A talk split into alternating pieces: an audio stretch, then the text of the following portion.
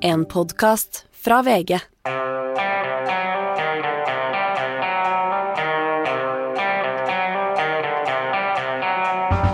Må Stoltenberg ta en ekstra runde som generalsekretær i Nato pga. krigen?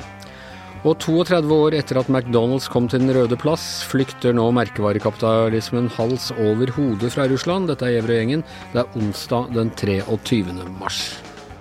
Det er nok å gjøre for eh, Natos generalsekretær Jens Stoltenberg eh, for tiden. Eh, på fredag så skal han besøke Cold Response, den store Nato-øvelsen. I morgen er det ekstraordinært toppmøte i Brussel, og nå går altså spekulasjonene Hanne, på om Stoltenberg i forbindelse med det vil bli bedt om å ta i hvert fall ett år til som generalsekretær. Hva tror du han i så fall svarer? Eh, vi vet jo at, han, hadde det har vært betydelig press også før Ukraina-invasjonen. De har jo fortsatt ikke klart å komme opp med en god, en reell kandidat til hans etterfølger. Eh, og det er jo åpenbart at dette presset vi har tiltalt veldig etter Ukraina-invasjonen.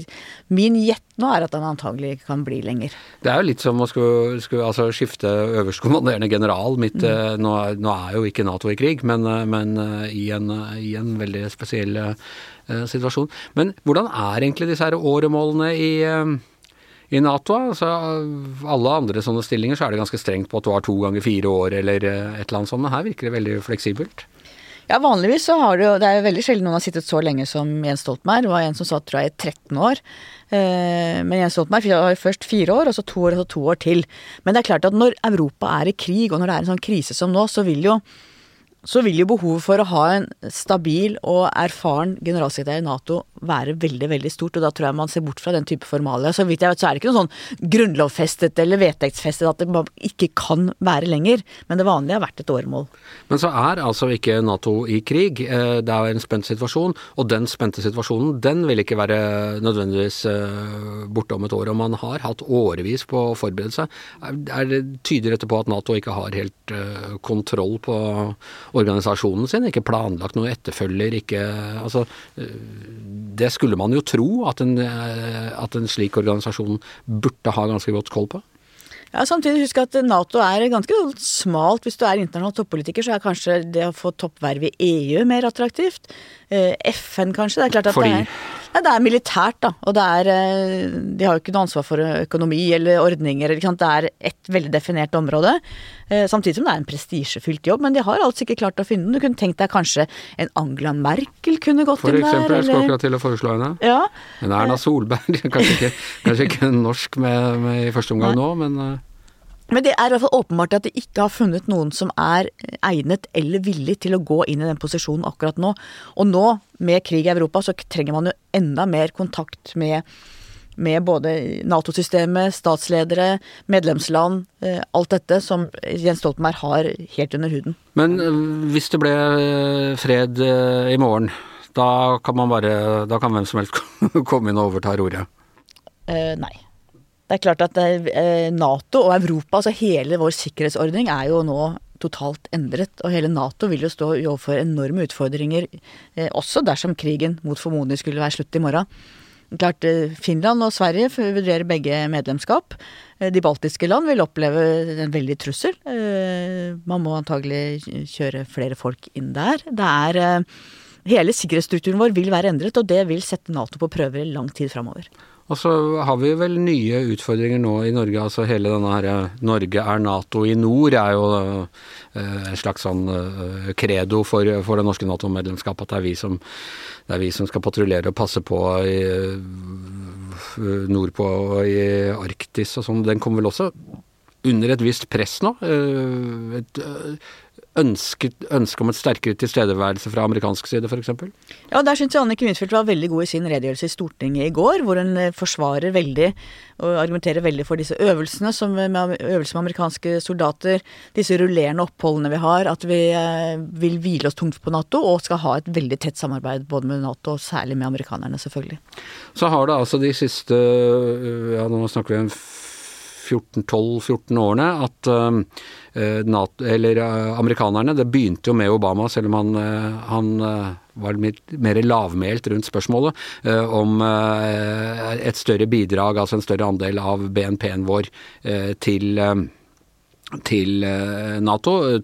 Trump gjorde det omtrent til et sånt være eller ikke være, at USA ville gå ut av Nato hvis ikke dette straks ble ordnet. Så man, man har økt uh, budsjettet ganske kraftig, og fordi det har vært nå mindre BNP pga. Uh, pandemien, så, så er, vi, er, vi, nærmere da 2 %-målet. Bør det økes ytterligere, syns du? Jeg syns det er veldig gledelig å se et land som Tyskland, da, som har gått opp til 2% som har ligget så lavt alltid, under en sosialdemokratisk eh, leder. Ikke under Merkel, som var konservativ og på en måte Er det gledelig når Tyskland ruster opp? ja, men i denne sammenheng så er det faktisk det. Men da er det jo mange som mener også at det må du få At de landene som nå ønsker at Tyskland skal ruste opp, på et tidspunkt vil frykte det litt, og at det må komme inn i måte hele Nato-rammeverket, som det jo selvfølgelig gjør. Ja, jeg vil si at det er gledelig, Anders. Bjørneboe sa når Tysklands bakker dufter vår, da spirer bajonetter. Men det, er, ja, det tilhører, tilhører, en annen uh, generasjon. Men hele denne spente situasjonen som kommer nå, og det er lett å falle på krigsretorikken, og vi må ruste opp, vi må få eh, Altså verneplikten må, må effektiviseres eh, og sånn, men det er også Hele Natos idé er en blanding av avskrekking og beroligelse. Og dette beroligende elementet, er det, er det kraftig nok til stede nå? Nei, det er jo ikke lett nå, for det er jo faktisk Putin har invadert Ukraina. Det å se for seg liksom beroligelse nå vil være helt mot sin hensikt. Og det vi også lærer Ukraina, er at det handler jo, krig handler jo om soldater på bakken, materiell, eh, ikke bare liksom spissa operasjoner. Eh, så jeg tror at vi er nødt til å ruste opp, som jo regjeringen og samstemt Stortinget der eh, ønsker. Vi må ha avskrekkingselementet nok inne, og det betyr opprusting. Men etter alt dette bråket som du jo var delvis involvert i, om eh, at han skulle bli sentralbanksjef, og de utfordringene norsk økonomi står overfor, kan han, eh, kan han da overlate roret til, eh, til Ida Wolden Bakke så lenge? Eller er det uansvarlig? Nei, det er klart når du måler krig i Europa opp mot Norges Bank, hvor det er en veldig kompetent, eh, fungerende Norges Bank-sjef nå, så er det klart at de to, da er det ikke tvil hos meg om hvor tyngden går ned. Det er uh, krigen veier tyngst der. Hvilket kanskje også betyr at Ida Wollenbakke strengt tatt kan være sentralbanksjef også like godt som Stoltenberg, som egentlig er mer egnet til å ta seg av krig? Vi var jo aldri i tvil på lederplass her, Anders, om at det var to særdeles kompetente kandidater til den jobben. Eh, men at eh, jeg mente veldig sterkt at Jens Stoltenberg ville være den beste, gitt dette vi har snakket om før, med geopolitisk forståelse og alle disse tingene. Men jeg er heller ikke i tvil om at eh, hun vil en, gjøre en veldig god jobb i tida framover, fram til Jens Stoltenberg kommer. Ok, Men du tror han, hvis vi skal, hvis vi skal ta et godt gammeldags Evre Engen-veddemål, tror du, eller klervoyant forutsigelse, tror du han blir et år til? Jeg tror han blir lenger, om det er ett år eller ikke, vet jeg ikke. Men jeg vil tro at han eh, er nødt til å være lenger nå. At det er eh, det eneste ansvarlige akkurat nå.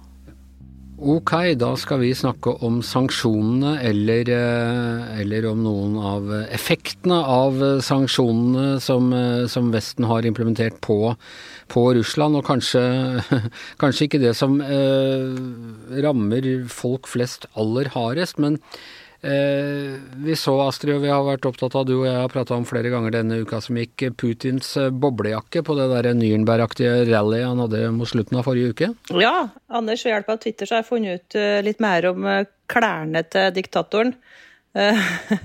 Det var en italiensk luksusboblejakke han har på seg. Den kosta ifølge flere kilder opptil 100 000 kroner. 100 000 kroner? Ja, det som jeg har funnet på norske nettbutikker, er sånn 30 40 000 kroner, så, det, så jeg er ikke helt sikker. Men uh, han har òg en sånn høyhalsa, hvit uh, genser under boblejakka. Uh, den er fra Kito, og den koster kanskje ja, mange tusen kroner, da. Og den boblejakka den er fra det italienske merket Loro Piana, som, som er fortvila over all oppmerksomheten de har fått eh, etter at han altså da viste fram luksus, eh, europeisk moteluksus på Det var jo på åtteårsdagen, eh, jubileet for okkupasjonen av Krim i forrige uke, det, vi så den. Ja, så han er en slags omvendt influenser. De, de vil heller betale ham for å la være å gå med merkevarene sine? Ja, ikke sant. For sånn som du sa, så er jo alle på vei ut nå. Det er jo så Mækkern eh, har jo dratt, Hedde og Maurits har jo dratt, eh, Netflix er stengt, eh, Visa, Mastercard, Apple, Ikea. Og så er jo alle de her luksusmerkene òg lukka butikker sine. Prada, Louis Vuitton, Chanel, Gucci, Dior, og de vil jo ikke ha noe med eh, vil jo helst ikke bli knytta til Putin, selvfølgelig ikke noen av dem. Eh, noen har, sl eh, noen har slutta altså å være i Russland pga. sanksjoner, men så er det jo en del næringsliv som pålegger seg sjøl ekstra regler. da, holde seg lengst mulig unna Russland fordi at de er redd for at de havner i trøbbel. Dette var en veldig sterk symbolsak i sin tid. Jeg husker det godt eh, da, da Kina på, på, slutten av 70-tallet, eller kanskje det var begynnelsen av 80-tallet, åpna for Coca-Cola. Eh, det var liksom ble sett på som en seier for, for kapitalismen. At, at liksom en merkevare som er så sterk at kommunistene liksom også vil ha den. Dette da, da, da McDonald's åpna ved Den røde plass, det var vel i, i 1990 så, så, føltes det også som at nå var vi ved, ved historiens uh, slutt. Og du har sett en voldsom Altså, da jeg var i Moskva sist, og det tror jeg var i, i uh, 99 eller noe sånt, men da slo det meg at nå begynte Moskva å se ut som en uh, en hvilken som helst uh, europeisk storby. Det er de samme merkevarene som du får, uh, fikk kjøpt over uh, hele Europa og, og USA, og, og dyre, dyre, handlegater og i det hele tatt. Det, det har lenge vært slik at, at merkevarekapitalismen har hatt et solid rotfeste i Russland? Ja, ja, og Mækkern var vel selve symbolet på vendinga mot Vesten da den ble åpna 1.2.1990, bare to måneder etter murens fall. Det var kjempelange køer utafor eh, den første restauranten, som fortsatt er der i dag. Den ligger ved en metrostasjon eh, i Moskva. Eh, men nå er den altså stengt, da. Uh, du har jo rett i det. Det var jo var ikke slik i, i Stasi uh, Tyskland, eller DDR, at de hadde sine egne råte Elvis og forskjellige ting. Men etter eh, murens fall så kom alle de tinga raskt som bare det, for folk ville jo selvfølgelig ha dem. Ja, og det var altså et hvis du skulle øst for, for jernteppet, skulle du ha med deg jeans, og du skulle ha med deg sånne type kapitalistvarer, for det var det eh, veldig stor eh, etterspørsel etter. Og så hadde det også litt eh, å si eh, aller første gang jeg, jeg, var i Moskva, husker jeg servicen på restaurantene der var litt annerledes enn en det vi var vant til. De måtte, de måtte sende, McDonald's måtte sende alle på ganske kraftig smilekurs i Sibir eh, før de kunne åpne restauranten sin. Ja, det er en historie, en gammel historie som eh, den eh, amerikanske radiokanalen NPR fortalte om for mange år siden, om hvordan det var da Mækkern måtte eh, sende sine russiske ansatte på smilekurs eh, før de åpna i 1990. for det, det, var rett og slett ikke skikk å smile til ukjente. og de eh, har en slags Russere flest tror jeg kanskje har en slags forståelse av det der useriøse amerikanske smilet som var overalt, som var falskt og sånn. Og så var det jo en en tilleggsdimensjon. ikke sant, at De levde jo i en statskontrollert økonomi der det var mangel på alt mulig rart. Det var jo rasjonering og ofte tomt i hyllene og sånn. og Derfor fikk jo ansatte en makt som de kunne misbruke. ikke sant? De kunne jo bare se på kunden og si at nei, nei, du, det er ikke noe plass her, det, det er fullt selv om restauranten er helt uh, tom. Og alltid en risiko for å få tomme hyller. sånn at er sovjetisk service, det var vel en vits da vi vokste opp, uh, så vi skjønte i hvert fall når noen nevnte det. Men nå altså tømmes hyllene på nytt, og det er, det er varer de visstnok allerede begynner å å merke mangel på der borte? Ja, det er jo sanksjonene som beskrives som altså hardere enn mot Nord-Korea. og eh, så vidt jeg forstår, så importerer Russland vanligvis en god del eh, viktige ting. Da. Medisin, eh, utstyr til industrien, til gass- og oljeindustrien, ikke minst, som er kjempeviktig for inntektene deres. Men nå er det jo stopp, både fordi at Russland er stengt ut fra det der internasjonale betalingssystemet, så de sliter med å betale, og at rubelen har falt som en stein. sånn at alt blir jo kjempedyrt. Så nå er det jo eh, meninga at de skal på en måte begynne å eh, produsere mer sjøl. Putin eh, har sagt at det på lang sikt vil være bra, for at landet vil bli mer eh, sjølforsynt. Men det er ikke noe tvil om tror ikke at eh, russere flest, og særlig de som har dårlig råd, pensjonister kanskje, sånn, de lider under det her fordi at eh, det er eh, kjempedyrt å handle plutselig, fordi at pengene deres ikke, noe, ikke er så mye verdt lenger. Og så er jo det rapport allerede om at det, det, er hamstring, og at det, det er mangel på f.eks. medisin. Og så var det en stor sak i sosiale medier her om dagen om at det, folk sto i kø for å få kjøpt sukker. Nettopp, altså, nettopp dette, det vet vi jo fra, fra andre land som har vært utsatt for sanksjoner, f.eks. Iran, at det med medisiner har har vært et problem. Og har vi et ansvar for å sørge for at ikke de svakeste i eh, Russland nå eh, rammes av eh, den type sanksjoner, eller må man bare kjøre beinhardt eh, på? Det er jo en diskusjon mellom eksperter nå. Det er jo helt åpenbart slik at vanlige folk vil bli ramma kjempehardt av det her. Eh, Så er spørsmålet vil det føre til enda mer eh, sinne mot Vesten, og at Putin kan bruke det til sin fordel, som f.eks. Cuba holdt på i alle de år. ikke sant? Eh, For det er jo en kjerne av sannhet i, i det, at når, når folk får det verre i Russland, så handler det jo om sanksjoner, for det er jo umulig å treffe kun oligarker og dem man vil treffe. Man, man ramma jo alle, og en del eh, som var voksen på 90-tallet, ville jo sikkert eh, oppleve at de mista sparepengene sine en gang til. Og det er ganske mange ganger i løpet av et liv å bare eh, bli eh, bankerott, da. Og så ser vi altså at Putin da stiller i, i dyre merkevarer, og det er en egen eh, fetisj, har jeg inntrykk av, blant uh, diktatorer verden over. Altså uh, man skulle kanskje tro at det for imaget deres hadde vært kult å være liksom litt som Hva var det han, het i Game of Thrones? Han The Old Sparrow, eller som bare gikk rundt i helt vanlige klær og vaska gulvet og sånne ting. Men diktatorer, også i kommuniststater, elsker å omgi seg med prakt og dyre klokker. Ja, det er rart ikke de ser det sjøl. Jeg har sett bilder på internettet av eh, Fidel Castro, den eh, gamle diktatoren på Cuba, som ikke har bare én Rolex-klokke, men faktisk to på samme håndleddet, for han elsker Rolex.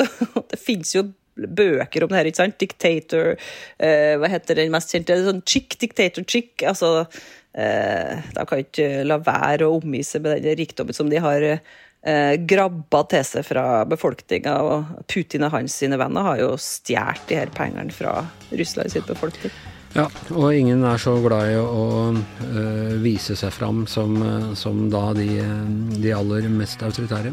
Tusen takk skal du ha, Astrid. Uh, og gjengen er over for i dag. Takk til Hanne Skartveit, takk til Astrid Mæland. Jeg heter Anders Giæver, og mannen som ikke kommer inn i studio uten å ha på seg en genser til minst 50 000 kroner, er som vanlig produsent Magne Antonsen.